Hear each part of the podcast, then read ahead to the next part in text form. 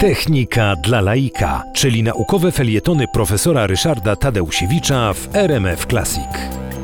Jeśli roślina y, wyda kwiaty za wcześnie, y, to jest możliwe, że przymrozek je zetnie i, i owoc y, nie zostanie uformowany, wobec tego cały wysiłek pójdzie na marne, a z kolei jeśli zrobi to za późno, to się może okazać, że po prostu nie zdąży z procesem rozmnażania, rozsiewania. W końcu kwiaty są pięknym dodatkiem, ale ważną rzeczą są nasiona czy, czy owoce. Otóż, co ciekawe, osoby, które zajmują się tymi rzeczami, dość długo poszukiwały tego mechanizmu spustowego, tego takiego cyngla, który powoduje, że roślina wie, że już właśnie teraz y, trzeba kwitnąć.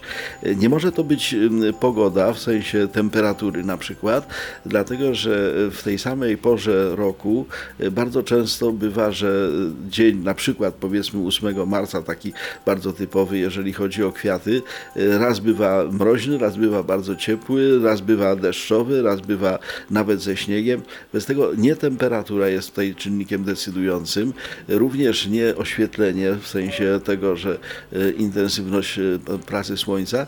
Natomiast e, pokazano i wykazano potem eksperymentalnie, że długość dnia Rośliny są w stanie obliczać długość dnia, są w stanie odmierzać długość dnia i w momencie, kiedy ta długość dnia po krótkich dniach zimowych zaczyna się wydłużać, y, no to to jest ten sygnał, że y, trzeba kwitnąć. Ale co jest jeszcze ciekawe, y, mianowicie ta sama długość dnia występuje na wiosnę i w jesieni. I wobec tego skąd rośliny wiedzą, że akurat jest wiosna, a nie jesień? Otóż okazuje się, że to, co matematycy nazywają pochodną, a inżynierowie inżynierowie wykorzystują jako rachunek różniczkowy, jest też znane roślinom. One są w stanie zorientować się nie tylko, że odpowiednia długość dnia zachęca do tego, żeby rozkwitnąć, ale dodatkowo są w stanie wychwycić fakt, że ten dzień się wydłuża i wtedy ten wydłużający się dzień oznacza wiosnę, oznacza e, kwiaty, oznacza e, początek wegetacji. Natomiast jeżeli przy tej samej długości dnia dzień się skraca, roślina kwitnąć nie będzie. I jest jeszcze jedna ciekawa rzecz, mianowicie gdzie rośliny mają tą pamięć, tą decyzję, ten, ten element. E, okazało się, że e, czynnikiem decydującym, czynnikiem, e, który jest rozstrzygający są liście. W liściach roślin jest, są enzymy, są te elementy, które decydują o kwitnieniu.